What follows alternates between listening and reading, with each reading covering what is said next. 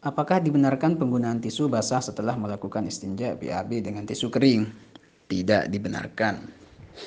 Kenapa? Karena pada dasarnya istinja ini itu masih eh, bekas dari istinja itu tidak suci.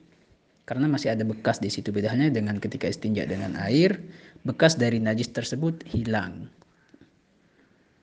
Nah, ketika kita istinja dengan tisu dan lain sejenisnya, maka itu hukumnya tetap najis akan tetapi najisnya dimaafu kata-kata dimaafu yakni dimaafkan yakni tidak dianggap nggak ada masalah meskipun setelah itu kita tohar kemudian sholat kita wudhu kemudian sholat maka sholatnya sah-sah saja.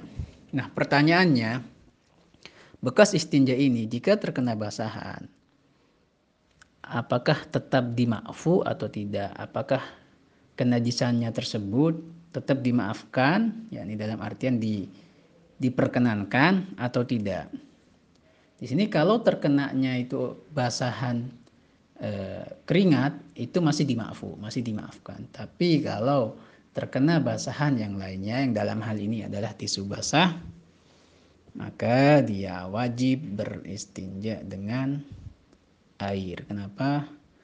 Karena sudah tidak dimakfu lagi yang otomatis najis atau bekas najis yang ada di bagian tersebut malah pindah ke tempat-tempat ke setelahnya itu di samping-sampingnya karena oleh terkena basahan tisu basah tersebut.